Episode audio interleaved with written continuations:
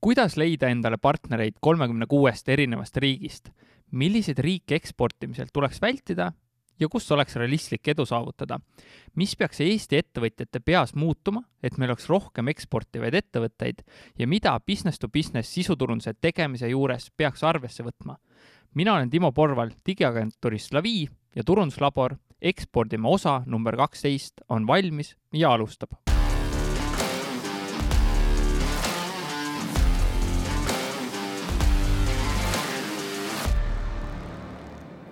enne veel, kui läheme saate juurde, siis tule kindlasti meie Facebooki gruppi Ekspordime ja samamoodi kõik saated on Youtube'ist vaadatavad, otsi üles Ekspordime kanal, vajuta subscribe ja oled alati kursis, kui uus osa ilmub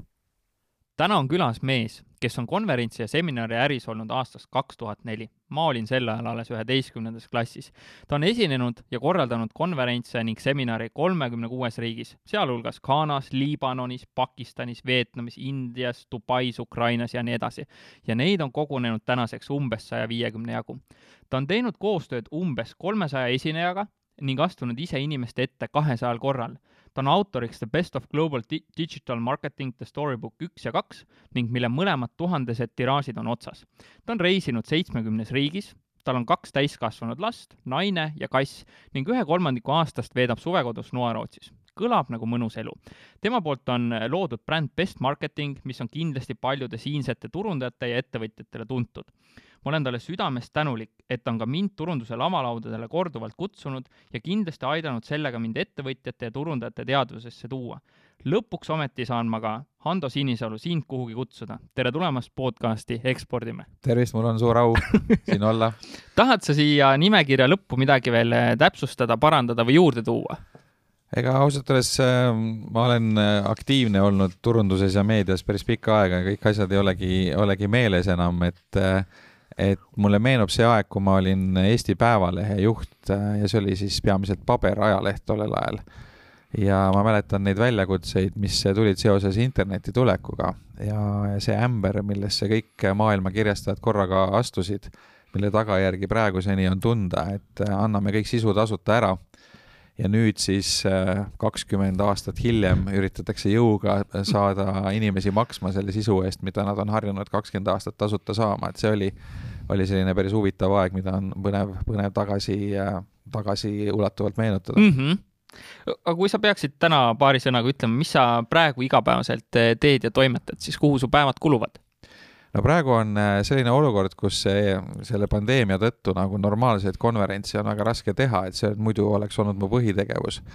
et nüüd ma siis olen äh, kaevanud äh, välja oma, oma ajakirjaniku diplomi nii-öelda ja teen päris palju ajakirjaniku tööd, ehk et kirjutan lugusid ja teen raadiosaateid. ja, ja see on nagu siis selline mõnes mõttes tore meenutus, et ma aastal üheksakümmend üks olin üks Tartu raadio asutajatest, mis on äh, Eesti siis esimene selline noh, nii-öelda mitteriiklik raadiojaam. ja, ja siis ma tegin päris palju raadiosaateid seal ja vahepeal aastakümneid äh, mitte ja siis mõni aasta tagasi, kui Äripäeva raadio alustas, siis Igor Rõõtov äh, meenu-, talle nagu meenus, et ma olen ka kunagi raadios olnud ja kutsus mind sinna tiimi saateid tegema ja siis ma olen nüüd eriolukorra ajal on olnud päevi vist, kus ma teen peaaegu iga päev midagi. Ja lisaks Äripäeva raadiole ma olen vean ka ühte podcasti, selle nimi on Regionaalhaigla tervise pooltund, ehk et ma teen siis tervisesaated, ma ise Äh, arst ei ole, aga mul mõlemad vanemad on arstid ja see annab võib-olla teatud sellise noh, vähemalt mingisuguse tunnetuse. ja siis ma teen ka Coop Pangale ühte podcasti ja Tööandjate Keskliidule ja, ja selles mõttes seda ajakirjaniku tööd on praegu nagu päris palju, kuidagi ootamatult. aga, aga selle varjus ma siis äh, jätkuvalt tegelen ka ikka konverentsidega ja, ja praegu tundub, et, et jällegi saab hakata tegema ka siis neid päris, päris konverentse, kus inimesed üksteisega kokku saavad. ja, ja siin on mõned suuremad on, on tulemas, Passwordi konverents on juba kakskümmend üks aastat äh, olnud Eesti turunduse selline aasta tippsündmus ja siis ma pusin siin ka ühte uut äh, projekti, mille nimi on Marketing Parrot, mis on, äh, on siis nagu äh, selle The Best of Global Digital projekti, millega ma maailmas ringi reisisin, selline järeltulija. ja, ja nüüd me siis proovime ühte uut kontseptsiooni ja, ja tasapisi siis testime siin erinevaid nii-öelda beeta versioone sellest. palju neid konverentse veeb õnnestunud kolida on ja kuidas inimesed vastu võtnud on selle, mis seal pea, peale no, pandeemiat juhtus? Äh, sellega on niimoodi, et ma siin hiljuti just äh, suhtlesin ka päris paljude kolleegide ja partneritega mujal maailmas, et sellega on läinud niimoodi, et väga paljudes riikides kus äh, on olnud riiklikud abimeetmed tugevad, no näiteks Holland ja ja Taani ja veel mõned riigid, et seal on olnud niimoodi, et, et sisuliselt riik kompenseerib kontsert, konverentsi korraldajatele saamata jäänud tulu. ehk et kui ei õnnestunud enam teha selliseid tavalisi konverentse, siis koliti konverentsid veebi ja tehti need tasuta, aga riik kompenseeris nendele ettevõtjatele siis saamata jäänud tulu, nii et tegelikult nad ei olegi üritanud üldse äh, veebikonverentsidega mingit raha teenida, et see on nagu lihtsalt selline mm -hmm. noh, et, et hoiame brändi elus ja ootame, et äkki see raske aeg läheb üle. nüüd Eestis äh, riik ei ole nii äh, helde olnud ja siin tuleb ise hakkama saada ja siin on, äh, on siis konverentsid kolinud ka veebi nagu piletiga konverentsid. ja ütleme niimoodi, et mõned on läinud päris hästi Äh, eriti need, mis on suunatud nagu äh, suurele seltskonnale, et võib-olla Äripäeva portfellist investor Toomase üritused on, on tänu sellele saanud väga palju äh, osalejaid juurde isegi. nüüd need, mis on suunatud rohkem ärilt ärile, et seal see nii lihtne ei ole, et tundub, et inimesed ikkagi vajavad seda füüsilist kohtumist ka ja, ja ma arvan, et tegelikult äh, kui see eriolukord mööda läheb, siis, siis tegelikult äh, juhtub see, et konverentsid ikkagi lähevad tagasi selliseks, nagu nad olid,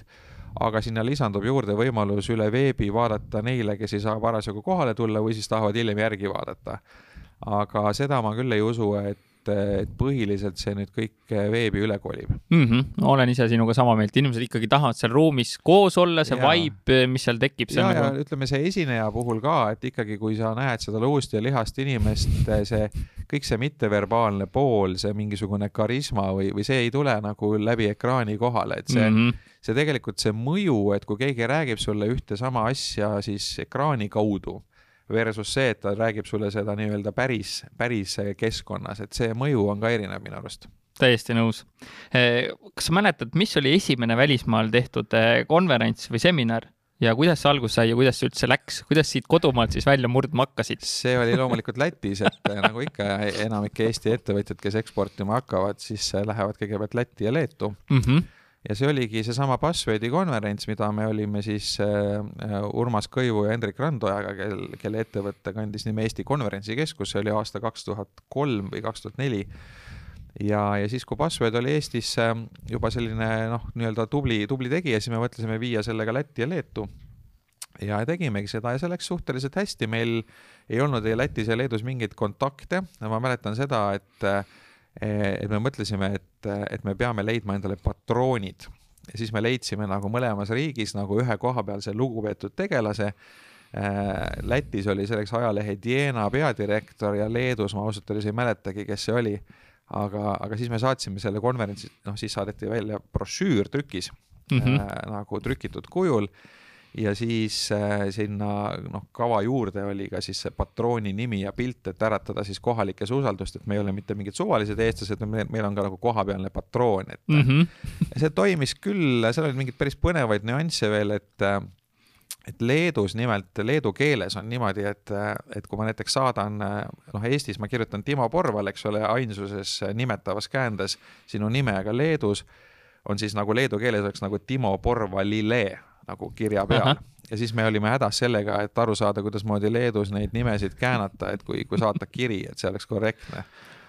et see on mul meeles nagu, nagu sellistest esimestest väljakutsetest, aga siis läks kõik maru hästi selles mõttes, et rahvas tuli ja, ja, ja meil vist kahe aasta pärast oli Leedu password suurem kui Eesti oma mm. -hmm. see läks väga kiiresti ju aga mis sealt, mis sealt nii-öelda edasi sai, vaatasite, et eh, saab välismaale müüa küll, et eh, neid konverentse ja, ja seminare. me läksime Ukrainasse ja Poola ja Horvaatiasse kohe edasi, et see oligi nagu enne seda esimest eh, majanduskriisi või masu aastal kaks tuhat kaheksa. et me jõudsime siis selle kolme-nelja aastaga minna lisaks Lätile, Leedule ka Ukrainasse, Poola ja Horvaatiasse ja midagi teha ka Hiinas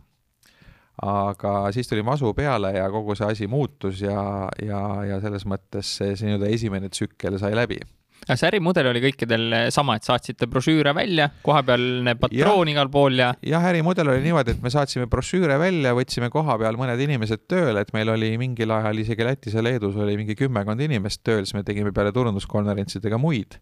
et me nagu läksime sinna kohale äh,, siis asutasime seal ettevõtte, võtsime inimesed tööle ja, ja niimoodi see asi toimis. Ja siis, kui tuli see masu peale või kriis, et siis see ärimudel selles mõttes kukkus kokku, ehk et püsikulud olid liiga suured, et seda asja pidada, kuna konverentsipileteid enam keegi ei ostnud, kuna koolituskulud olid esimesed, mis, mis maha lõigati. Siis, siis seetõttu see ärimudel ei, ei toiminud ja siis ma mäletan, oli mingi masuaegne ärijuhtimiskonverents, kus tolleaegne Baltika juht Meelis Milder rääkis Baltikast ja noh, Baltikal ka ei, ei läinud äh, tookord äh, väga hästi. ja, ja ta rääkis just sellest, et Baltika oli tollel ajal avanud endal poode Poolas ja Slovakkias ja ma ei tea, mis riikides, igal pool veel. ja siis Meelis Milder ütles sellised kuldsed sõnad lavalt, et, et jaemudel laienemiseks on kõige kallim mudel ehk et nagu minna kohale, avada oma nii-öelda jae, jae, jaemüük seal kohapeal ja siis kuidagi sealt klikkis mul ära, et oot-oot, aga me teeme ka ju sedasama jaemudelit. et lähme igale poole, asutame seal filiaali, võtame inimesi tööle, hakkame siis tegutsema, et see on maru kallis ja riskantne mudel. ja, ja siis, siis see mudel saigi endale loomuliku lõpu korra küsin veel, et eh, kui te sinna Lätti ja Leetu hakkasite laienema, kuidas te ise eristusite, et noh, mingid Eesti tüübid nüüd tulevad, hakkavad tegema, et kohalikul turul, kas ju tehti ka neid? seal eriti ausalt öeldes konkurentsi polnudki, et Eesti oli nagu konverentsi äh, ütleme sellist kultuuri mõttes kõvasti ees Lätist ja Leedust. Ja seal kohapeal tehti selliseid imelikke konverentse kohalike esinejatega, noh, meie eristumine oli see, et me tõime välisesinejad. Ja me tegelikult saavutasime päris sellise suure hulga efekti ka, et me tegime neid konverentse, näiteks Passwordi konverentsi tegime kolmes riigis korraga, ehk et äh, järjestikustel päevadel ja siis need esinejad, äh, kui me kellegagi kokku leppisime, äh, siis ta tuligi, tegi kolmes riigis mm. -hmm. nii et me maksime talle siis esinemistasu, aga, aga suhteliselt nagu ühe riigi kohta natuke vähem, kui muidu oleks olnud. saime sellega nagu hulga allahindlust ja siis äh, põhimõtteliselt see käiski nii, et alustasime Vilniuses, siis oli Riia ja noh, kuna Password toimus tollel ajal Tartus, siis oli see viimane tsükkel oli autoga Riiast Tartusse, mis oli alati selline eksootiline, ma mäletan seda, et et kuskil seal äh, Strentši ja Valga vahel muutusid esinejad veidike nagu närviliseks ja hakkasid, vaatasid aknast välja, kui nad ei olnud enam veerand tundi ühtegi tulukest näinud kuskil. siis nad hakkasid küsima, et kas me oleme ikka õigel teel et eh, noh, sellise Lääne-Euroopa kuskilt suurlinnast tulnud inimesele see Põhja-Läti ja Lõuna-Eesti nagu tundus ikka väga-väga selline metsik mm. -hmm. aga mis see uus eh, ärimudel oli, kui see jaemudel enam ei, ei töötanud teie puhul äh, üldse? uus ärimudel oli hulgi ehk et ehk et me tegelikult siis noh, tollel ajal oli, oli juhtunud see, et, et ma ostsin, ostsin välja oma osaluse Eesti Konverentsikeskusest ja siis umbes äh, poolteist aastat hiljem müüsin selle edasi Äripäevale. ja mulle jäi siis ainult äh, väljaspool Eestit toimuv äh, konverentsiäri ja, ja siis ma paningi mõned filiaalid kinni, Leedus ja Horvaatias olid tolleks ajaks ja Lätis ka olid, olid jäänud filiaalid. Ja läksin edasi sellele nii-öelda hulgimudelile, mis seisnes siis selles, et selle asemel, et ise üritada nagu igas riigis äh, kanda kinnitada, inimesi tööle võtta ja nii edasi, ma leidsin äh, koostööpartnerid, kohapealsed partnerid, kellel oli juba see usalduskrediit olemas ja ja, ja kliendi andmebaasid ja kõik muud. ja siis äh, selle asemel, et näiteks riigis X veenda ära mingisugune viissada inimest tulla minu konverentsile esinema, mis on nagu päris suur ülesanne, ma pidin ära veenma ühe inimese, et ta hakkaks mind esindama ja need esindajad enamasti on olnud siis kas mingid erialaliidud, mingid turundajate või reklaamiliidud või siis mingisugused meediafirmad, mingid kirjastajad, eh, noh, turundus, veebikirjastajad või siis mingi äriuudiste kirjastajad või midagi sellist. Ja siis, kui nemad on nii-öelda ära, ära moositud või veendud, et, et see, mida ma pakun, on, on hea asi, siis nende korraldada on juba kohapealne müük ja, ja, ja korraldus ja, ja siis on minul olnud põhimõtteliselt vaja ainult äh, kas ise või siis koos mingite esinejatega, kuidas see parasjagu see konverentsi kava on olnud, kohale ilmuda ja siis pärast, äh, pärast nii-öelda kasumit jagada. aga kogu kontseptsiooni sa mõtlesid kontseptsiooni välja, ma mõtlesin maha, ise jaa, et, et see, ütleme, kuni turunduseni välja, et need konverentside kavad ja, ja kopid ja, ja kõik need olid nagu äh, minu välja mõeldud, kuigi, kuigi, kuigi äh, paljudes riikides ei jäänud sellest algselt välja mõeldud kavast mitte midagi järgi ehk et nad tegid kõik ümber ikkagi omamoodi. aga noh, ma ei hakanud sellega ka võitlema äh, kuigi võib-olla tagantjärgi tark olles oleks, oleks võinud rohkem nagu hoida seda, seda brändi õigena, aga noh, ütleme ikkagi no teatud kultuurides nagu näiteks Hiinas on juba selles mõttes nagu raske vaielda, et sulle nagu kunagi ei, ei öelda. et, et kui sa nagu räägid ära, et teeme nii, noh näiteks, et teeme poolepäevase konverentsi Shanghais siis nad ütlevad jah, jah, jah ja siis, kui see asi lõpuks välja tuleb, siis tegemist on kolmepäevase konverentsiga mingisuguses väikelinnas kusagil resordis linnast väljas, aga noh, sa ei saa nagu seda jooksvalt teada, sest nad ei vaidle sulle vastu, vaid äh, ütlevad jah ja jah ja jah ja siis teevad ikka nii, nagu nad heaks arvavad. aga noh, selliseid näiteid muidugi noh, õnneks siiski väga palju ei ole, aga aga ütleme niimoodi, distantsilt seda kontrollida on ikkagi suhteliselt raske kuidas sa niimoodi riigiti neid eh, partnereid leidsid? kas selle LinkedIn oli sama, sama popp kui praegu või kuidas see nagu otsimine käis? Äh, ma leidsin neid erinevat moodi, et mul oli,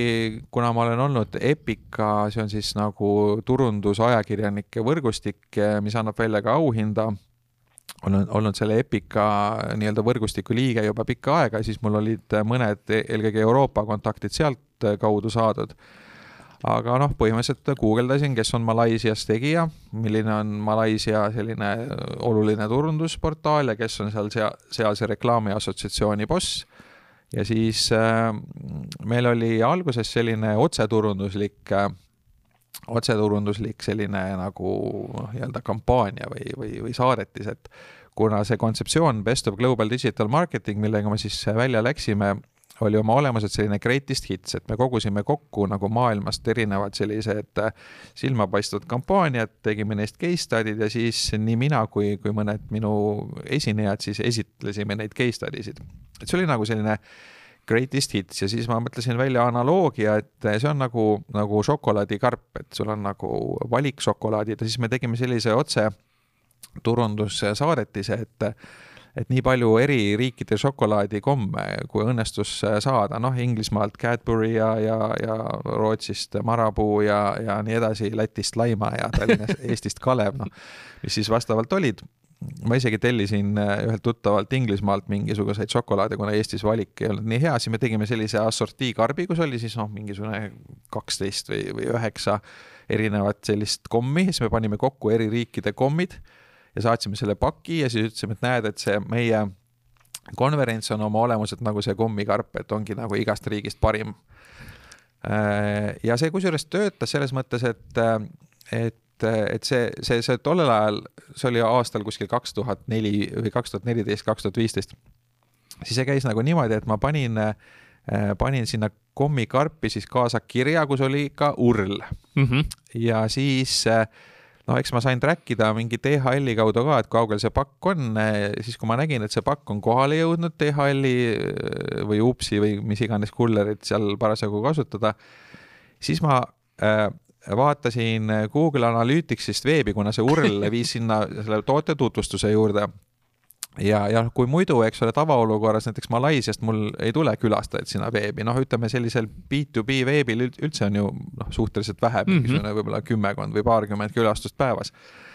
siis äh, kui ma nägin äh, pärast seda, kui DHL oli paki kohale viinud, noh, mingi päev hiljem nägin, et äh, ohoo, et Malaisiast on keegi viis minutit veebis olnud siis ma saan aru, et kommid on kohale jõudnud ja on tähelepanu äratanud, et siis see nii-öelda potentsiaalne partner on ka veebi külastanud ja siis pärast seda, kui ma nägin, et oli seal veebis käinud, siis ma tavaliselt helistasin. ja vahel ta juba ise ka jõudis tänada kommide eest ja ühendust võtta niimoodi, et niimoodi, niimoodi see käis. palju sa neid eh, kommikarpe välja saatsid ja palju conversion rate oli conversion seal? Conversion rate oli päris hea, ma arvan, et see oli ikka üle viiekümne protsendi. et äh, mõnel juhul äh, kuidagi, äh, mis seal juhtus, mõnel juhul see pakk sulas ära või noh, läks nagu koledaks, et see on šokolaadiga on see häda. siis mõnel juhul ma nagu ei arvestanud seda mõnes, äh, mõnes äh, moslemi riigis, et peaaegu igas šokolaadis on alkohol sees. nii et hiljem siis ma olin nagu ettevaatlik, et, et valida sellist šokolaadi, kus pole alkoholi sees. aga noh, need olid sellised mõned väiksed, väiksed nüansid, aga see conversion oli päris kõrge, jah ja kui see kõne oli tehtud, mis sealt edasi sai, saite siis reaalselt kokku või? ja siis, siis nagu hakkas selguma see, kuidas on eri riikide ärikultuur. et äh, siin ma armastan ikkagi tuua võib-olla siis äh, võrdluseks Soome ja Indoneesia, et need Nii. on nagu sellised kaks äh, suhteliselt maailma eri osades asuvat riiki. et äh, noh, natukene võib-olla siis värvi juurde pannes, aga põhimõtteliselt see asi näeb välja nii, et kui ma nüüd saadan Soome selle paki, ütlen, et me tahaks teha koos mingit business't ja noh, praegu on, oletame, veebruar, siis Soomes öeldakse, et väga tore, et meil augustis toimub juhatuse koosolek, siis me arutame, kas me võtaksime selle ülejärgmise aasta plaani võib-olla eh,. Indoneesias käib see niimoodi, et öeldakse, et kas me saaksime homme teha kõne, et meil oleks märtsis vaja teha üks konverents ja teie programm väga hästi sobib meile. nii et, et piltlikult öeldes see Indoneesia on selles mõttes nagu tegelik näide ka, et meil läks äh, sellest nii-öelda kontaktist kuni konverentsi toimumiseni Indoneesias kolm nädalat et, et me kolme nädala pärast tegime seal ära selle asja. Need indoneeslased on natuke seestlaste moodi, et nad ikkagi nagu tegutsevad ja reageerivad. noh, tegelikult on ikkagi võimalik, äh, noh, ütleme, on teatud riigid nagu Soome ja, ja tegelikult mul on umbes samasugused kogemused ka Austriaga, kus elu on juba nii hea, kus kõik on nagu nii paigas, et tegelikult neil ei ole mitte midagi juurde vaja ja, ja tegelikult nad, nad pigem äh, noh, ma olen kuulnud seda mingi automüüja käest ka, et, et kui ikkagi Pekka on ostnud kogu aeg Sami käest äh, omale Toyota, siis sa võid talle pakkuda nagu Nissanit, noh, kakskümmend viis protsenti, kolmkümmend protsenti odavamalt. Sest ta nagu sellepärast, et sa nüüd natukene odavamat talle autot pakud, ta ei hakka küll oma suhteid hea sõbraga rikkuma, ta ikka ostab seda autot edasi. et see nagu iseloomustab natuke nagu sellist mentaliteeti, et, et meil pole vaja seda paati väga kõigutada nüüd siis need nii-öelda uued, see, see teine maailm, see Indoneesia ja, ja, ja muud sarnased riigid, neil on nagu teine käik sees. et nad tahavad kõike saada ruttu, noh, nagu Eesti võib-olla oli natuke aega tagasi, noh, meil on õnneks säilinud sellist, sellist vaimu ka veel, aga aga, aga see hakkab ta tasapisi nagu soomestuma, aga, aga seal Aasia poolel jah, seal on nagu see, see meeletu, meeletu entusiasm ja et kõik peab kiiresti juhtuma ja, ja proovime ja, ja et, et see nagu no hoopis teine maailm kas see oli ka põhjus, miks te sinna Aasia suunas tegelikult läksite ja, ja sealt ja, nagu? põhiliselt küll jah, sest äh, ei ole mõtet nagu äh, noh, nii-öelda hullu vaeva näha selle Soomega, kui sa näed, et seal nagu midagi ei juhtu. et tegelikult Euroopas on, on siiski ka kohti, et on noh, nii-öelda Kesk- ja Ida-Euroopa riigid siiski, mul on päris häid kogemusi Slovakkiast ja Sloveeniast ja Horvaatiast ja võib-olla Lääne-Euroopa riikidest ainsana, kus on nagu päris hästi läinud, on olnud Holland et Hollandi kohta ka räägitakse, et, et see rahvas on nagu oma olemuselt kaupmehed, et nad on nagu eluaeg olnud äh, kaupmehed ja neil on nagu see mõtteviis on selline, et, et kui keegi pakub mingit võimalust äri teha, et siis, siis prooviks mm. -hmm. et Holland on kindlasti üks koht, kuhu siis võiks see Eesti nii-öelda inimene. ütleme, ma julgen küll soovitada, et kui keegi mõtleb, et Lääne-Euroopas, noh, sõltub tootest muidugi mm, -hmm, et ilmselt äh, Hollandis ei ole mõtet müüa mingisuguseid äh, viiekordseid aknaid, mis miinus viiskümmend temperatuuri kannatavad, et noh, et loomulikult see sõltub nagu, mida sinna müüa aga, aga Hollandi ärikultuur jah, ma arvan, on, on Lääne-Euroopas võib-olla selline kõige sellisem noh, võimalustele avatum mm. -hmm millises äh, välisriigis teil kõige edukamalt äh, läks kogu selle aja jooksul ja miks sa arvad, miks? Malaisias. Äh, Malaisias sattus väga hea partner, teiseks Malaisia on selline riik, et noh, ta põhimõtteliselt erinevates maailma edetabelites on hämmastav on vaadata, et Malaisia ja Eesti on väga sageli peaaegu kõrvuti et ma just viimati märkasin, et eh, passide, et noh, kui hea pass on, et mitmesse riiki sa selle passiga viisavabalt minna saad, siis seal olid Eesti ja Malaisia kõrvuti eh, noh, enam-vähem eh, siis majandus, ütleme siis see GDP inimese kohta, noh, Malaisias veidike madalam, aga nagu enam-vähem hakkab ka jõudma sinnamaani seal on muidugi vahe, et äh, noh, Eestis on ebavõrdsus väiksem, Malaisias on nii, et on, on osa, osa inimesi on päris rikkad ja, ja noh, Kuala Lumpur näiteks on ikkagi väga selline võimas, võimas suurlinn, aga noh, siis on kuskil seal Borneo saarel on, on ikka päris selliseid va vaeseid külainimesi ka. Aga inglisekeelne riik, et äh, jõuab kohale, kah selline mõtteviis on avatud maailmale, multikultuurne, et et seal on läinud hästi ja noh, Sloveenias, Euroopa riikidest Sloveenias on läinud päris hästi. Ähm, kui võtta teine nagu noh, täiesti teistsugune riik. mis sa arvad, mis selle Sloveenia taga oli, miks seal hästi läks? ka hea partner kindlasti, et see, see määrab hästi palju, ma arvan, et sellise nii-öelda, nii-öelda selle hulgi või noh, partneri kaudu tehtav äri puhul on hästi oluline see partneri äh, maine, tema siis äh, võib-olla pühendumus, et noh, mul on olnud ka sellised partnerid, kes formaalselt teevad mingit tööd ära, saadavad mingi arvu kirju välja või midagi, aga noh, on näha, et nad sinna ei pane mingit hinge sisse. et, et see on hästi oluline mm. -hmm. millised on sinu suurimad õppetunnid ekspordiga, nii võite kui kaotusi? kui me võitudest pihta? Äh, no võitude õppetunnid on võib-olla, võib-olla sellised, et, et ikkagi ei tohi alla anda, et see, kui sul esimesele emailile keegi ei vasta, see on, see ongi normaalne, et, et tegelikult ma kusagilt lugesin seda, seda nimetatakse vist kaheksa emaili reegliks, et tuleb saata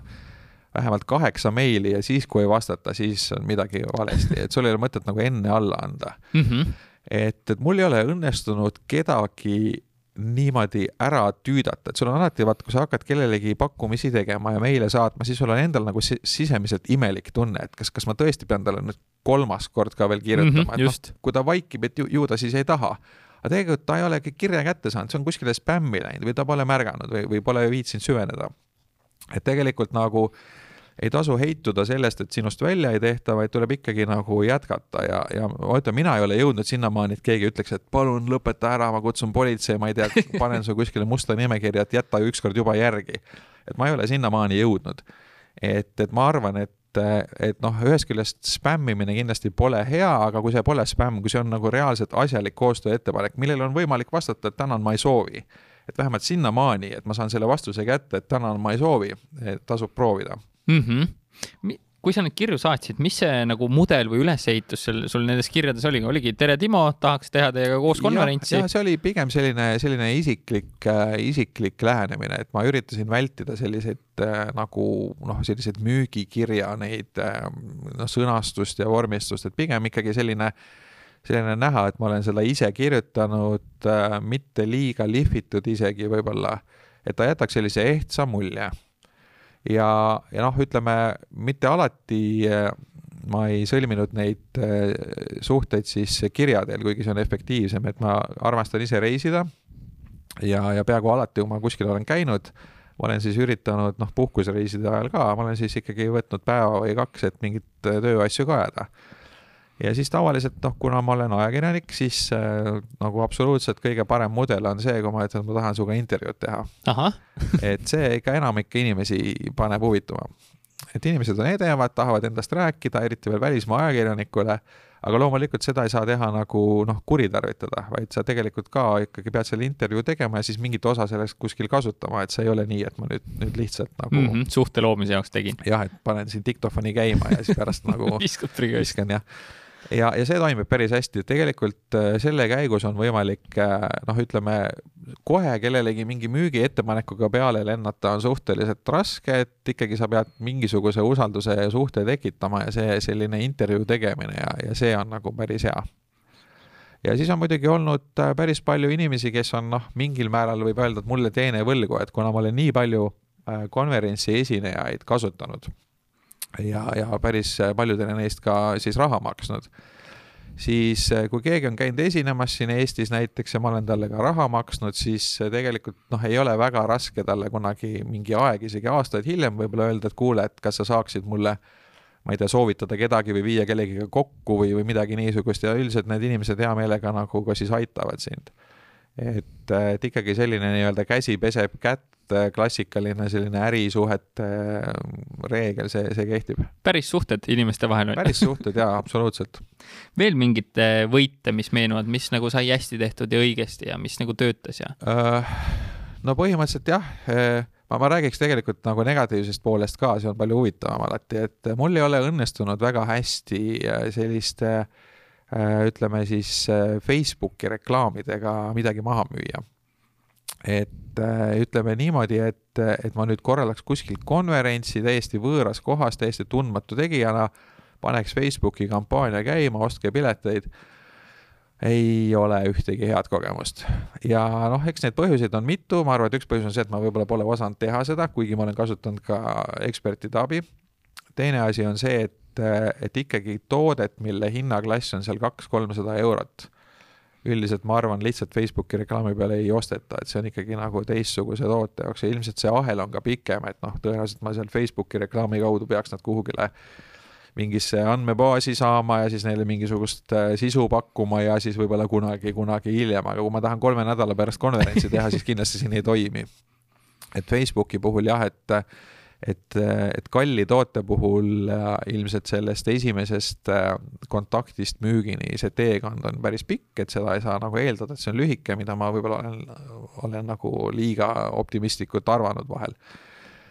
ja teiseks ma arvan, et jah, et, et selle brändi ehitamine, kui nüüd tahta nagu kuskil täiesti võõras riigis mingit oma toodet või teenust müüa, keegi sinust mitte midagi kuulnud ei ole, et siis kindlasti läheb mingi päris pikk aeg ja päris hulk raha, et seda enda brändi ja usaldust ehitada ja seetõttu see mudel, et, et koostööpartneri kaudu minna, kellel juba on see usalduskrediit olemas ja, ja, ja, ja, ja kontaktid, et, et see toimib palju paremini kas on saladus, palju te sellele kohalikule partnerile raha ära andsite, tegite viiskümmend, viiskümmend? ja enam, enam-vähem viiskümmend, viiskümmend jah, et see ütleme kasumi põhimõttel, et me oleme seda nagu teinud niimoodi, et, et ainult otsesed kulud maha ehk et otsesed kulud nagu siis mingi ruumi rent või või siis catering ja siis lennupiletid ja siis nii-öelda oma töö on olnud tasuta mm. -hmm. ja, ja umbes selline mudel on sul eh, veel nõuandeid välismaa partneritega selliste heade suhete loomiseks ja kuskohast neid kontakte üldse leid-, leida, et sa kommikarpid juba rääkisid, no, no, ajakirjanikud see... kõik me ei ole, on ju. jah, ütleme ikkagi nende jah, teise inimese vastu huvi tundmine ehk siis see nii-öelda ajakirjaniku lähenemine kindlasti toimib, siis ähm, ma arvan, et ei maksa ka üle tähtsustada sellist, et noh, vahel sa loed mingeid neid äh, ärietiketi raamatuid, et vaatad sa Hiinas jumala eest, ma ei tea ei vaata alt kulmu kellelegi või ei suuna mingit, ei pane jalga üle põlve ja ei tohi, ma ei tea, vasakusse kätte tassi võtta või no mis need reeglid kõik on. et äh, mina olen ikkagi käitunud nagu normaalselt igal pool, et nagu ma käitun, et noh, ütleme, kui hiinlane tuleb siia, eks ole, sa ju ka ei eelda seda, et ta tunneks mingisuguseid Eesti kombeid väga täpselt, on ju et sa ikkagi suhtud temasse kui eksootilisse tegelasse ja tal on oma kombed ja, ja niikaua, kui ta nagu mingist sellistest üldinimlikest reeglitest kinni peab, on kõik okei okay., et, et ei ole mõtet nagu üle tähtsustada seda ka. et see on ka kindlasti üks reegel ja inimesed on ikkagi väga sarnased igal pool, et kui sa nagu noh, ütleme turundusmaailmas või meediamaailmas ka, et kui sa ikkagi lähed reklaamiagentuuri Tallinnas või sa lähed reklaamiagentuuri kus iganes, võib-olla kõige sellisem nii-öelda Äh, kapakohilam koht on olnud Bangladesh ja Dhaka, eks ole, seal ei ole, ei ole üldse peaaegu turiste ja see on nagu tõesti nagu väga teine maailm. reklaamiagentuuri kontor on ikka samasugune, seal on see lauajalgpall või mhm. pinksilaud ja ja, ja kõik need mingid seintel olevad plakatid ja mingid motivatsiooni quote'id ja kõik on täpselt ühesugused, et tegelikult inimesed on ikkagi noh, sama eriala inimesed on, on väga sarnased mm. -hmm mis sa arvad, mis eh, sinu arvates peaks Eesti ettevõtjate peas muutuma, et meil oleks rohkem ekspordile suunatud ettevõtteid? no minu arvates on asi ikka kõvasti paremaks läinud, kasvõi sedasama sinu saadet kuulates ikkagi eh, kuuled neid lugusid kogu aeg, et need on väga põnevad. et eh, noh, ilmselt ma olen ise siin vahel kokku puutunud ettevõtjatega, kellel on just võib-olla, võib-olla nagu keskealised ja vanemad siis et selle startup'i põlvkonnal on natuke teistsugune maailmavaade. aga, aga sellist ambitsioonipuudust on siiski, et noh, kellel läheb hästi, juba mingisugused isikliku sellise rikkuse eh, sellised standardid on saavutatud, et, et siis sealt edasi nagu jääb ambitsiooni väheks ja võib-olla kui sul on juba noh, saavutatud midagi, üles ehitatud midagi, siis sa tegelikult eh, alateadlikult ka riskid vähem, sa kardad seda kaotada ja siis äh, see on võib-olla üks suurimaid pidureid, et selline, selline jah, nagu äh, vähene ambitsioonikus või vähene riskitaluvus. no mis see sinul äh, oli, et võtta ette kolmkümmend pluss riiki ja teha seda, mis sind nagu drive'is selle juures? Uh,. mingisugune sisemine ambitsioon, ma arvan, teiseks mulle meeldib seda teha, see on ka tegelikult väga oluline, et, et ma olen tegelikult lapsest saadik, nii palju kui ma ennast mäletan, tundnud huvi maailma ja geograafia vastu, mul mingeid esimesi raamatuid pärast mingisugust seda papiraamatut oligi mingisugused maailmaatlased et mind lihtsalt see asi väga huvitab. Ja ma teen seda nagu rõõmuga ja noh, samas väga paljud on ka imestanud, et kuidas sa ometi suudad niimoodi nii pikki reise teha, et, et noh, et mingi kaheksateist tundi lennukis, et see on ikka väga jube, absoluutselt, mul ei ole nagu mitte mingit probleemi sellega, et mind see lihtsalt ei sega. ma magan seal hästi, üldse mingit ajavahe käes ma peaaegu kunagi ei kannata. et minu jaoks ei ole see probleem, et ma olen, olen käinud äh, vist kõige nagu sellisem noh, võib-olla rajum reis oli kunagi Sri Lankasse Tallinnast Sri Lankasse on tükk maad minna ikka, et ma käisin seal nii ära, et ma isegi ei ööbinud koha peal, et ma nii-öelda hommikul saabusin ja õhtul läksin, nagu oleks, ma ei tea, Riias käinud. aga noh, see ei olnud päris minu, minust tingitud ka, kuna lennukid lihtsalt hilinesid ja siis ma lihtsalt äh, veetsin seal äh, vahe, vahelennujaamades seal aega kas see on lihtsalt sinu isikupära või sa teed seal lennukis midagi teistmoodi, et sa saaks seal magada, et sa uh,, et ei oleks seda jet lag'i? ei, jet, jet lag'i puhul on kõige lihtsam retsept on see, et sa tohi, sa ei tohi mõelda selle peale, oo, mis kell nüüd kodus on. sa oled seal, sa oled Hongkongis ja nüüd on Hongkongi aeg ja sa mõtled selle peale, et nüüd on Hongkongi aeg, nüüd on päike üleval, nüüd on hommik, nüüd loojub, nüüd on õhtu, täpselt nii ongi et ma ei ole isegi mingisuguseid, äh, kunagi võtsin melatoniini tablette ja just tagasi tulles ja siis ma magasin vist kolm päeva järjest, et ma ei ole, ma ei ole mingeid unerohtusid ka tarvitanud äh,. lennukis jah, praegu on imelik rääkida, ma pole aasta, aasta aega lennukis ei saanud, aga aga üldiselt on äh, minu sellised häkid, ma äriklassis väga harva olen sõitnud ja üldjuhul ka mitte oma raha eest, vaid kas mingite punktide või siis on vahel õnnestunud mingi upgrade saada, aga, aga järjest vähem aga ma istun tavaliselt äh, akna alla, sest äh, kõige jõudsam asi on see, kui sa üritad magada ja siis keegi selle käruga sulle vastu põlve kogu aeg nühib. et akna all on rahulikum, siis äh, müra summutavad kõrvaklapid, siis silmaklapid, siis ma tavaliselt võtan kaks punast veini kohe kiiresti mm -hmm. sisse ja kaheksa tundi on hooletu. ja magad nagu? ma magan nagu beebi, jah mis sa veel, kas sa kuulad mingeid audioraamatuid, kui sa üleval oled kaheksateist tundi seal sõidad ja, või lähed ma olen, ma olen vaadanud äh, Netflixi, olen äh, telefoni laadinud endale filme, sest üldiselt see parda, see parda meelelahutus enamikel lennukompaniidel on päris kehva. Nojah, kui ja, sa kogu aeg ka lendad sinu ja, ja teiseks noh, ütleme need ekraanid on kehvad, see heli on kehva, telefonist ütleme see off, offline Netflix on ikka kõvasti parem isegi ilma helita, et ma suudan täiesti nautida filmi ainult subtiitrite põhjal ka, et ma isegi ei pea heli kuulama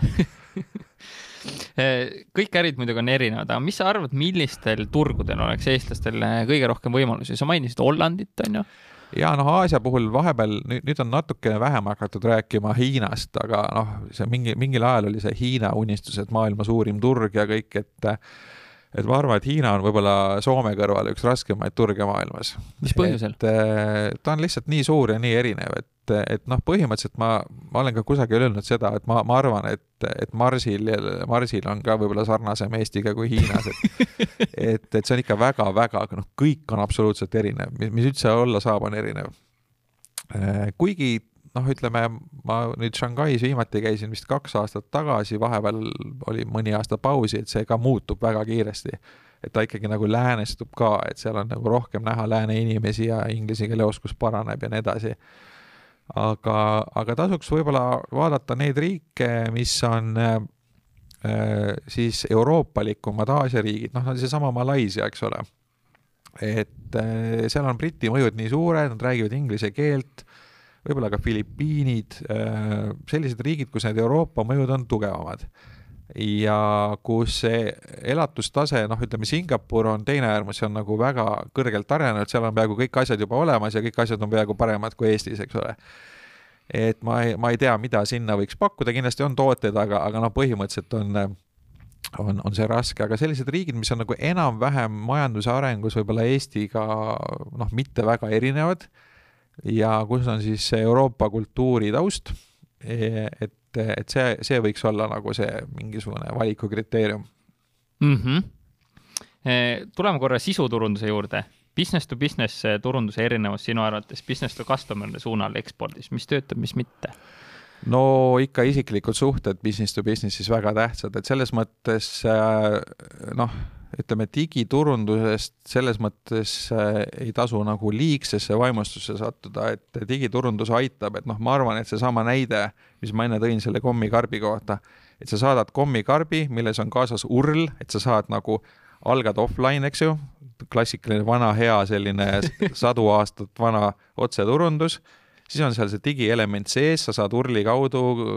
sa võid teha customized urli ja vaadata nagu konkreetselt, kui sul näiteks ühte riiki saadad kümneid pakke, sa saad ju teha erinevad urlid ja vaadata, millisest urlist see, see, see liiklus tuli. ja see on see digielement seal vahel, noh, tegelikult sa algad juba Google'ist või LinkedInist, see on juba digielement, eks ole mm -hmm., siis on see vahepeal mingi offline, et, et, et ei tasu nagu mõelda nagu liiga võib-olla ühes kategoorias kogu aeg, et, et see teekond on nagu offline ja online, nagu, nagu meie elu ikka, et sa kõik, kogu elu ei ole offline või online mm. -hmm. Sisuturundus business to business puhul, mida, mida jälgida, mida silmas pidada, kui tahta välismaalt endale siis silmapaare enda veebi saada, et kommikarpe sa võib-olla kogu aeg ei jõua välja saata, et no sisu, sisu, sisu mõttes on, on see, et tegelikult äh, sisu on viimasel ajal ikka meeletult palju, et, äh, et äh, ma arvan, et tasuks ka ikkagi mõelda, et kas see sinu loodud sisu on nüüd puhas digiprügi või on sellel nagu mingisugune väärtus ka. ja, ja ma arvan, et et, et see konkurents on päris tihe, nii et, et kindlasti tasuks, ma, ma praegu olen seda meelt, et eks mu arvamused on aja jooksul ka muutunud, aga ma olen praegu seda meelt, et, et pigem tasuks teha vähem, aga paremini. ehk et nagu noh, mingi teine loogika ütleb seda, et, et tooda iga päev mingisugust sisu, et vahet pole mis, et see regulaarsus või see tilgutamine annab sulle efekti. et jah, võib-olla, et et, ma isegi olen märganud seda, et äh, emaili uudiskirjades, et, äh, et mul on mailbox'is uudiskirju, mida ma ei ole enam kuid, aastaid avanud, aga see, et ta tuleb iga päev, kuidagi rahustab, ma näen, et jälle, et nad on ikka elus, nad ikka tegutsevad ja see hoiab seda brändi meeles. et tegelikult ka emaili turunduses ma arvan, et kui, kui nagu, nagu mingisuguseid äh, mingeid tulemusi, tulemusi mõõta, siis see, see meili avamine ei, ei, ei olegi tingimata võib-olla kõige tähtsam, et, et väga sageli sa märkad saatjat ja mingit subject line'i ja, ja sellest juba piisab. kuigi mul ei ole otseselt mingeid andmeid seda tõestada, ma mm -hmm. lihtsalt puhtalt enda kogemuse põhjal räägin. nii et see, aga, aga sisu juurde tagasi tulles, et et noh, siis räägitakse, et noh, et kõik nüüd vaatavad ainult videot või, või midagi sellist, et ma arvan, et ikkagi, äh, et sisu peaks olema selline vastavalt sellele, et, et halb sisu videos on ikkagi halb sisu videos, eks ole mm, -hmm. et ega sa seda video, seda sisu paremaks ei tee. et, äh, et tähtis on ikkagi see, et, et see oleks äh, kasutajale huvipakkuv formaat siis vastavalt sellele, mis kõige paremini seda edasi annab, et, et kui on see pilt, siis on see pilt, võib-olla mõnel juhul tekst või siis kombineeritud kujul aga, aga kindlasti äh, see kvaliteedistandard peaks olema väga-väga kõrge, et, äh, et läbi murda. et ma arvan, et see on nagu kõige olulisem asi. aga kuidas ikkagi luua sellist sisu, mis ei oleks see digiprügi? no tuleb vaeva näha, tuleb vaeva näha, ma arvan, et seal on nagu põhiküsimus, et sa, et sa peaksid nagu panustama ja noh, tegelikult nišidesse minek ka, et sa ikkagi saad, saad luua sisu mingisugusel teemal, kus võib-olla konkurents pole nii suur ja, ja minna nišidesse, noh, ekspordi puhul ka, et et maailm on suur ja võib-olla Eesti ettevõtjate üks selline äh, mõtteviisi viga on see, et äh, kiputakse mõtlema, et noh, et Eesti ja Hiina, et üks turg, teine turg ja, ja no Eestis tegelikult on äh, rahvastik nii väike, et sa üheski nišis nagu tegutsedes nagu väga rikkaks ei saa, et nišid on lihtsalt nii väiksed. kui sa nüüd lähed maailma, siis sa ei saa nagu pakkuda kõigile kõike, et siis sa pead leidma neid nišše ja see mõtteviisi üleminek on tähtis ja sisu mõttes ka, et et noh, ei ole mõtet kirjutada, võib-olla kui me turundusest räägime nagu lihtsalt turundusest, vaid tulekski mõelda näiteks võtta mingi nišš, et et kuidas tööstusettevõtte LinkedIni profiili teha et see võiks olla sinu nišš, mitte et kuidas teha ettevõtte digiturundust mm. -hmm. et mhm. kogu maailmas sellega ei, ei ole võimalik konkureerida mm. -hmm. ehk siis minna nišši. jah, just e,. sisuturunduse KPI-d mida ettevõtted kindlasti jälgima peaks, mis on need numbrid nagu, et noh, me võime kirjutada artikleid ja lugeda kokku, palju meil artikleid on, aga no siin on tegelikult ikka väga, väga selgelt tuleb eristada kahte liiki sisuturundust, et äh, üks pool on see, mis on, on bränding. Ehk et äh, see, kui sa ehitad enda ettevõtte tuntust, äh, brändi, et siis, siis on oluline see, et sa jõuaksid võimalikult paljude õigete inimesteni. jällegi, kui sa oled B2B, kui sa oled nišis, ei ole see absoluutnumber tähtis, et tähtis, et sa jõuaks õigete inimesteni nüüd siis see teine pool sisuturundusest on siis see, see nii-öelda performance või kui sa midagi reaalselt äh, hakkad müüma, et äh, seal on siis teised asjad, mingisugused äh, kogutud kontaktid, kõik, kõik muu sinna juurde kuuluv. aga, aga tihti aetakse need asjad omavahel segamini et ta ongi täpselt niimoodi, et sa teed mingisuguse sellise üldise tuntust suurendava brändingu põhise sisu ja siis sa ütled, oi, et ma ei saanud siit ühtegi kontakti, eks ole aga, aga ma alati ka imestan seda, et, et need asjad, noh, selles mõttes nad on erinevad asjad, aga nad ei ole omavahel vastuolus, et tegelikult ka väga, väga sageli on nii, et sa näed mingeid päris mm, selliseid häid äh, postitusi, kus ei ole mitte mingisugust call to action'it, et tegelikult ega see call to action, et seda postitust halvemaks ei tee, et kui sa mm -hmm. ikkagi mingisuguse hea postituse teed, sa võid alati sinna öelda ka, et sign up või või, või, või mis iganes tegevus sa seal tahad, et see, see ei tee seda postitust halvemaks, aga seda millegipärast äh, sageli ka ei tehta. aga võib-olla selle taga on see, et ma kirjutasin ainult sellepärast, et siis saada müüki, et see on see, selle kirjutaja taga olev selline psühholoogia, et kui ma seda ei pane, siis ma oleks nagu niisama heast tahtest nagu seda teinud. jah, aga see, et sa nagu kutsud ikkagi üles kedagi endaga liituma või proovima või ostma, et see on, see ei ole paha, et mm -hmm. ei, ei tasu seda müügiüleskutset nagu nii-öelda demoniseerida ka, et minu arust on see täitsa okei okay nii et, et, et need asjad ja no sisuturunduse puhul äh, ikkagi see kannatlikkuse moment ka, et jällegi noh, väga sageli arvatakse, et nüüd kohe juhtub midagi, et tegelikult see ikkagi võtab aega. ja, ja sellega tuleks arvestada, et see kohe ei hakka tööle. ja siis ma olen märganud ka veel seda, et ikkagi nagu selline, ma olen ise seda enda jaoks nagu sõnastanud niimoodi, et on on sellised erinevad DNA-d on inimestel, et on, on reklaamiinimesed, kes on harjunud siis nagu tegema sellist laadi sisu, mis ongi selline, et osta nüüd kohe, eks ole.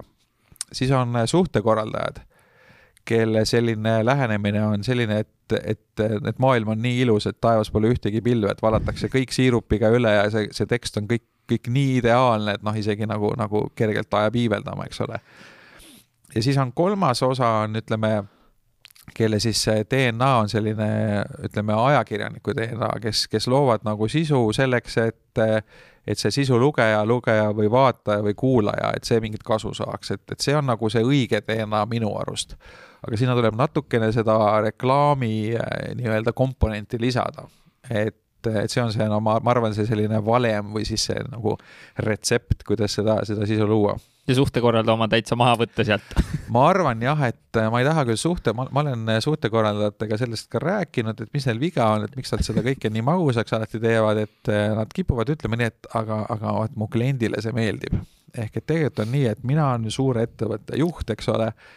et, et mul on ju kõik hästi, et ma ei saa öelda, et, et tegelikult ikkagi seal nagu ma lasin toote välja, et siiski teate, seal üks mingi väike, väike asi jäi korda tegemata, et ähm,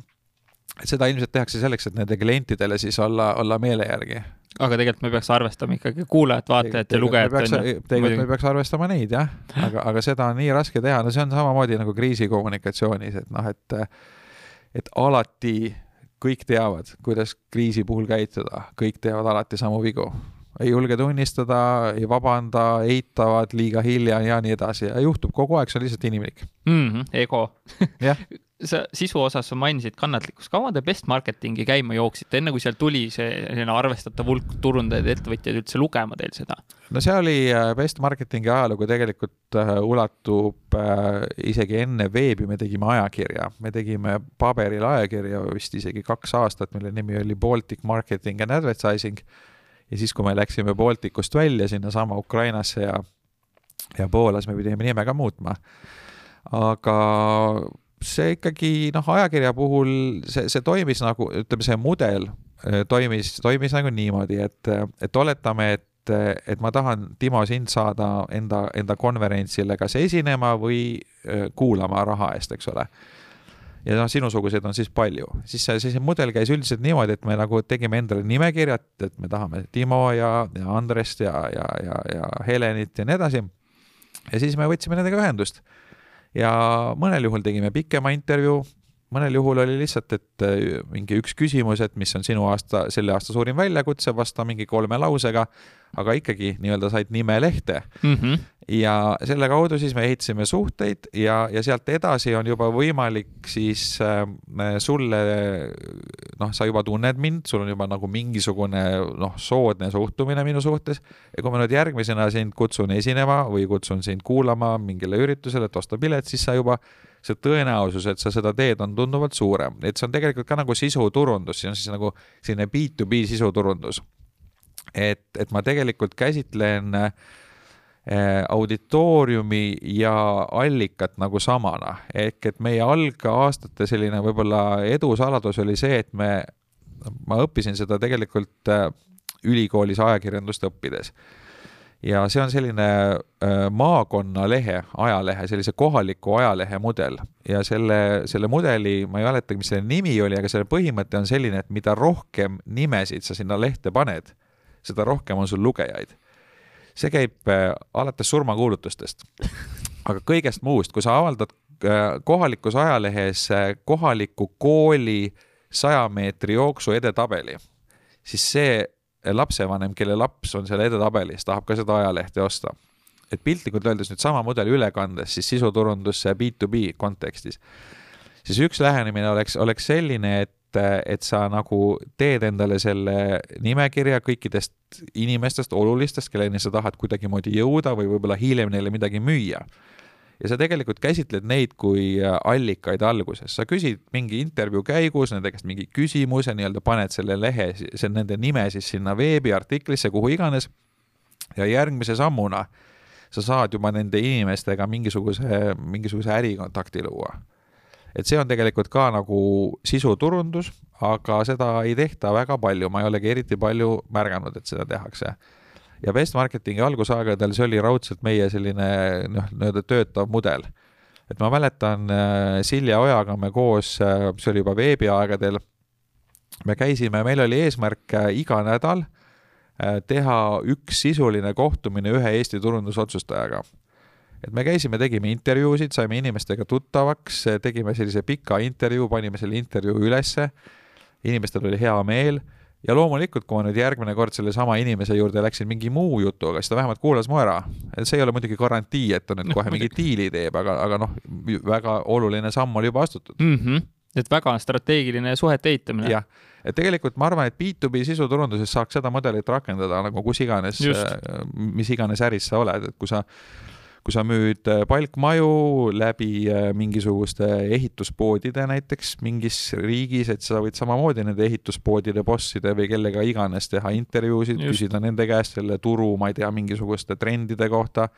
tarbija käitumise kohta ja tegelikult on sul järgmine kord selle inimesega mingit diili tehes juba palju, palju lihtsam. just, ja noh, see, see mudel on sellepärast veel ju hea, et sa ei pea ise mingit sisu looma, vaid sa lihtsalt küsid nojah. noh, nagu ekspordime no, praegu, sina lood sisu, mina lihtsalt küsin, on ju. noh, sisu loomine jah, selles mõttes, et, et palju neid ikka on, kes nagu oma peast, noh, kirjanikud on, aga isegi kirjanikud käivad nagu elu, elu, elust inspiratsiooni ammutamas, eks ole mm. -hmm kellelt sa soovitaksid šnitti võtta Eesti ettevõtete puhul, kes ekspordi suunal sinu meelest teevad head sisuturundust? Noh, siin on äh, ilmselt äh, erinevad äh, tehnoloogiaettevõtted võib-olla ikkagi paremas seisus, et et kui ma olen siin vaadanud, mida on, on teinud Pipedrive ja, ja, ja mida on teinud siin noh, näiteks Andrus Purde oma erinevate ettevõtmistega, nüüd ka Outfunneliga, et, et tema minu arust teab, mis ta teeb, eks ole mm, -hmm. mõtestatult tegeleb sellega siis äh, Scoro on seda teinud päris hästi minu arvates ajaloos, võib-olla, võib-olla Scorat võiks ka jah, isegi, isegi nagu rohkem välja tuua. nüüd selliseid äh, nii-öelda äh, rauda tootvaid või siis nii-öelda tooteid tootvatest ettevõtetest, noh, iseenesest seal mulle võib-olla otseselt kohe midagi niimoodi top of mind ei meenugi ausalt öeldes mm, -hmm. aga ma ei ole ka nende sihtrühm. ja, jah kindlasti neid on, on ju noh, Covid kindlasti on ju läbi saab, ma ei tea, kas sa astud uuesti lennukisse ja hakkad Malaisiasse konverentsi tegema või ei hakka, aga kui hakkaksid, siis mis samme sa astuksid järgmisena nüüd, kui Covid läbi saab? no ma vaikselt siin, siin olen uurinud, et äkki saab kuhugile juba minna, et ega neid kohti väga palju ei ole siis. Sansibaril jah, Dubaisse saab ka minna. ja, ja, ja veel mõnesse kohta, aga, aga, aga noh, ilmselt see asi, asi jah, ikkagi ühel hetkel muutub. jah, muidugi, muidugi ma tahan taas lennukisse minna ja, ja kuhugile lennata. ja konverentse ka siis korraldada? ikka jaa. aga, aga ma olen nüüd äh, selle Covidi nii-öelda teatud määral peale sunnitud äh, sellise mõttepausi ajal siis äh,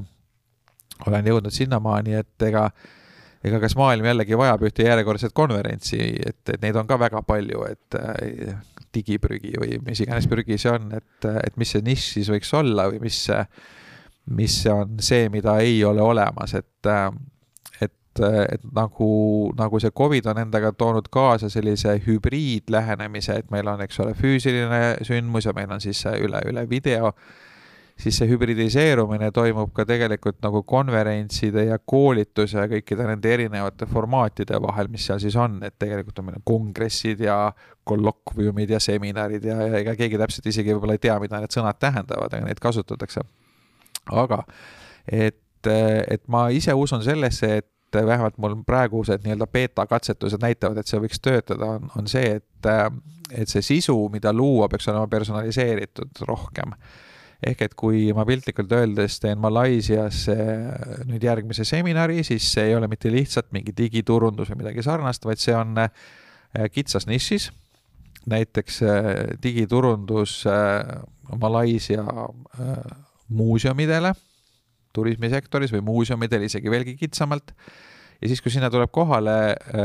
mingisugune paarkümmend, noh, võib-olla sadakond, aga, aga noh, kindlasti mitte tuhandeid, et see on suhteliselt väike hulk inimesi,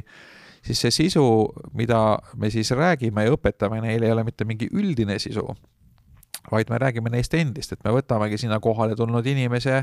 äh, kohale tulnud muuseumi veebilehe ja, ja Facebooki ja Instagrami lahti ja koos ekspertidega vaatame, mis seal on ja anname talle nõu, mida paremini teha. Ja neid teadmisi on võimalik üle kanda ka teistele, eks ole et noh, seal nagu võib tekkida väike ebamugavusmoment, kui kedagi kritiseeritakse, eh, kui konkurentid on ka kohal, aga samal ajal ma olen vaadanud, et kui seda ikkagi piisavalt delikaatselt teha, siis ei ole häda, häda midagi, et saab hakkama ka niimoodi. Mäletan, eh, kui Peep Lae kunagi eliitlaagris tegi, siis ta ütles alati ette, et eh, ma löön palli, mitte mängijat. Jah, jah, ei, ei, see on. Ja, ja tegelikult äh, on kultuure, kus seda, kus seda nagu, kus see nii-öelda see face saving on, on tähtis, et äh, näiteks Indias tuleb sellega ikka väga ettevaatlik olla, et sa jumala eest noh, kellelegi ei ütle, et tead, et siin see, see, see Facebooki postitus küll, selle, selle võiks ära kustutada vist see on jama majas. äh, kas sa siia lõppu jagaksid mõned eredamad äh, sündmused või lood, mis meenuvad nende välismaa ürituste korraldamisega, mida sa ikka heldimusega nüüd meenutad siin äh,? No äh, ma tegelikult meenutaks hoopis ühte lugu, mis on seotud Amazoniga, kuna Amazon on äh, praegu väga populaarne mm -hmm. Eestis ja siin on tekkinud lausa eraldi kogukond, kogukond ja. ja Amazoni müüjad, et, et ma olen ka Amazoni müüja aga mitte praegu hetkel, aga kunagi olin ja, ja ma arvan, et ma olin üks esimestest Eestis võib-olla. see oli aasta kaks tuhat neliteist äkki kui me kirjastasime esimese raamatu, siis digiturunduse parimatest case study dest ja siis ma tahtsin seda Amazonis müüa.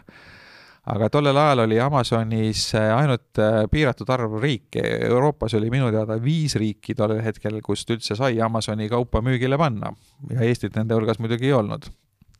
ja siis ma võtsin ühendust Regioga, kes oli minu teada tollel hetkel ainuke Eesti firma, kes oli oma siis Regio mingit atlast või raamatut seal müünud. Ja aga nad ka ütlesid, et nad ei mäleta umbes, et sellest on tükk aega möödas, nad enam Amazoniga väga ei tegele ja need noh, ma olingi siis nii-öelda üksi oma murega aga siis, äh, siis lihtsalt selline loovus äh, lahendas selle probleemi ära, seal oli lihtsalt häda selles, et Eesti, noh, kui sa hakkad sisestama oma ettevõtte andmeid sinna, siis ei olnud võimalik Eestit sisestada. aga ma tegin siis niimoodi, et äh, ma panin kõik muud andmed, nagu ikka Tallinna aadress ja, ja isegi Eesti ettevõtte VAT number läks sinna ilusti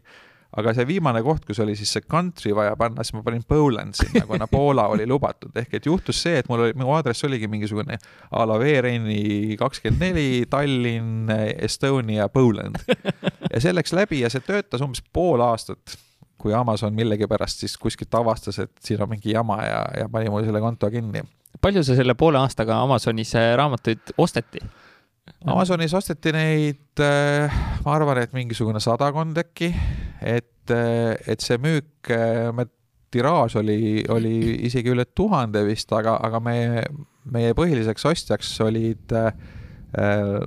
ülikoolid, et me tegelikult päris mitmes ülikoolis, üks Riia ülikool ja üks Hollandi ülikool kasutas seda raamatut enda mingi kursuse ametliku õpikuna. ja siis me müüsime neid ka konverentsiga pak-, paketis nagu, et konverentsi pileti hinnale oli see raamat nii-öelda siis sinna sisse, sisse paketti pandud, et see oli nagu hea argument, et kaua sellise raamatu kokkupanek eh, aega võttis, et selline sisu, sisu päris kaante vahel kohe oleks? Mm. no me tegime seda niimoodi, et eh, me tegime ikkagi igasse raamatusse kokku mingisugune vist viisteist või umbes nii case study, iga case study'ga koos oli vähemalt kolm-neli intervjuud, sisendit, allikat, seal oli see case study autor siis või see agentuur, kes selle oli teinud ise ja siis oli mingisugune eh, ekspert, kes arvas ka midagi.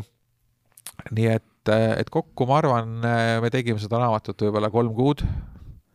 aga see on ka muidugi väga kiire tempo, siis me tegime seda kokku neljakesi ja, ja iseenesest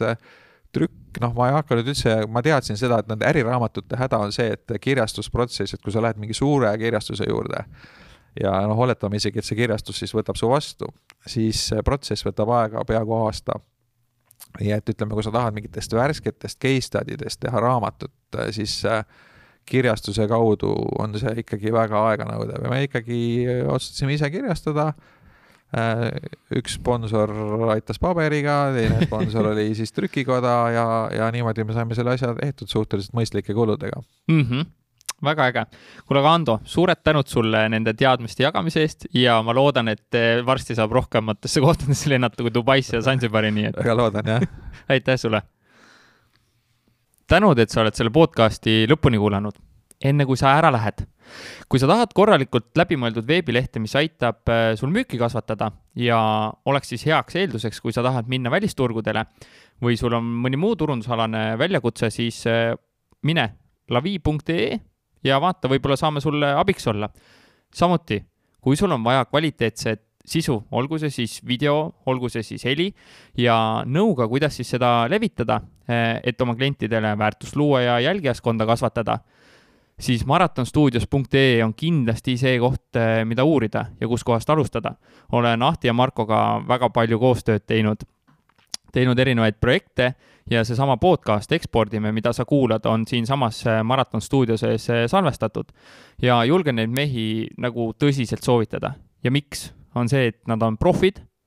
nad hoolivad sinust, nad teevad asja hingega ja noh sellist äh, komplekti või kokteili kohtab ikka väga-väga harva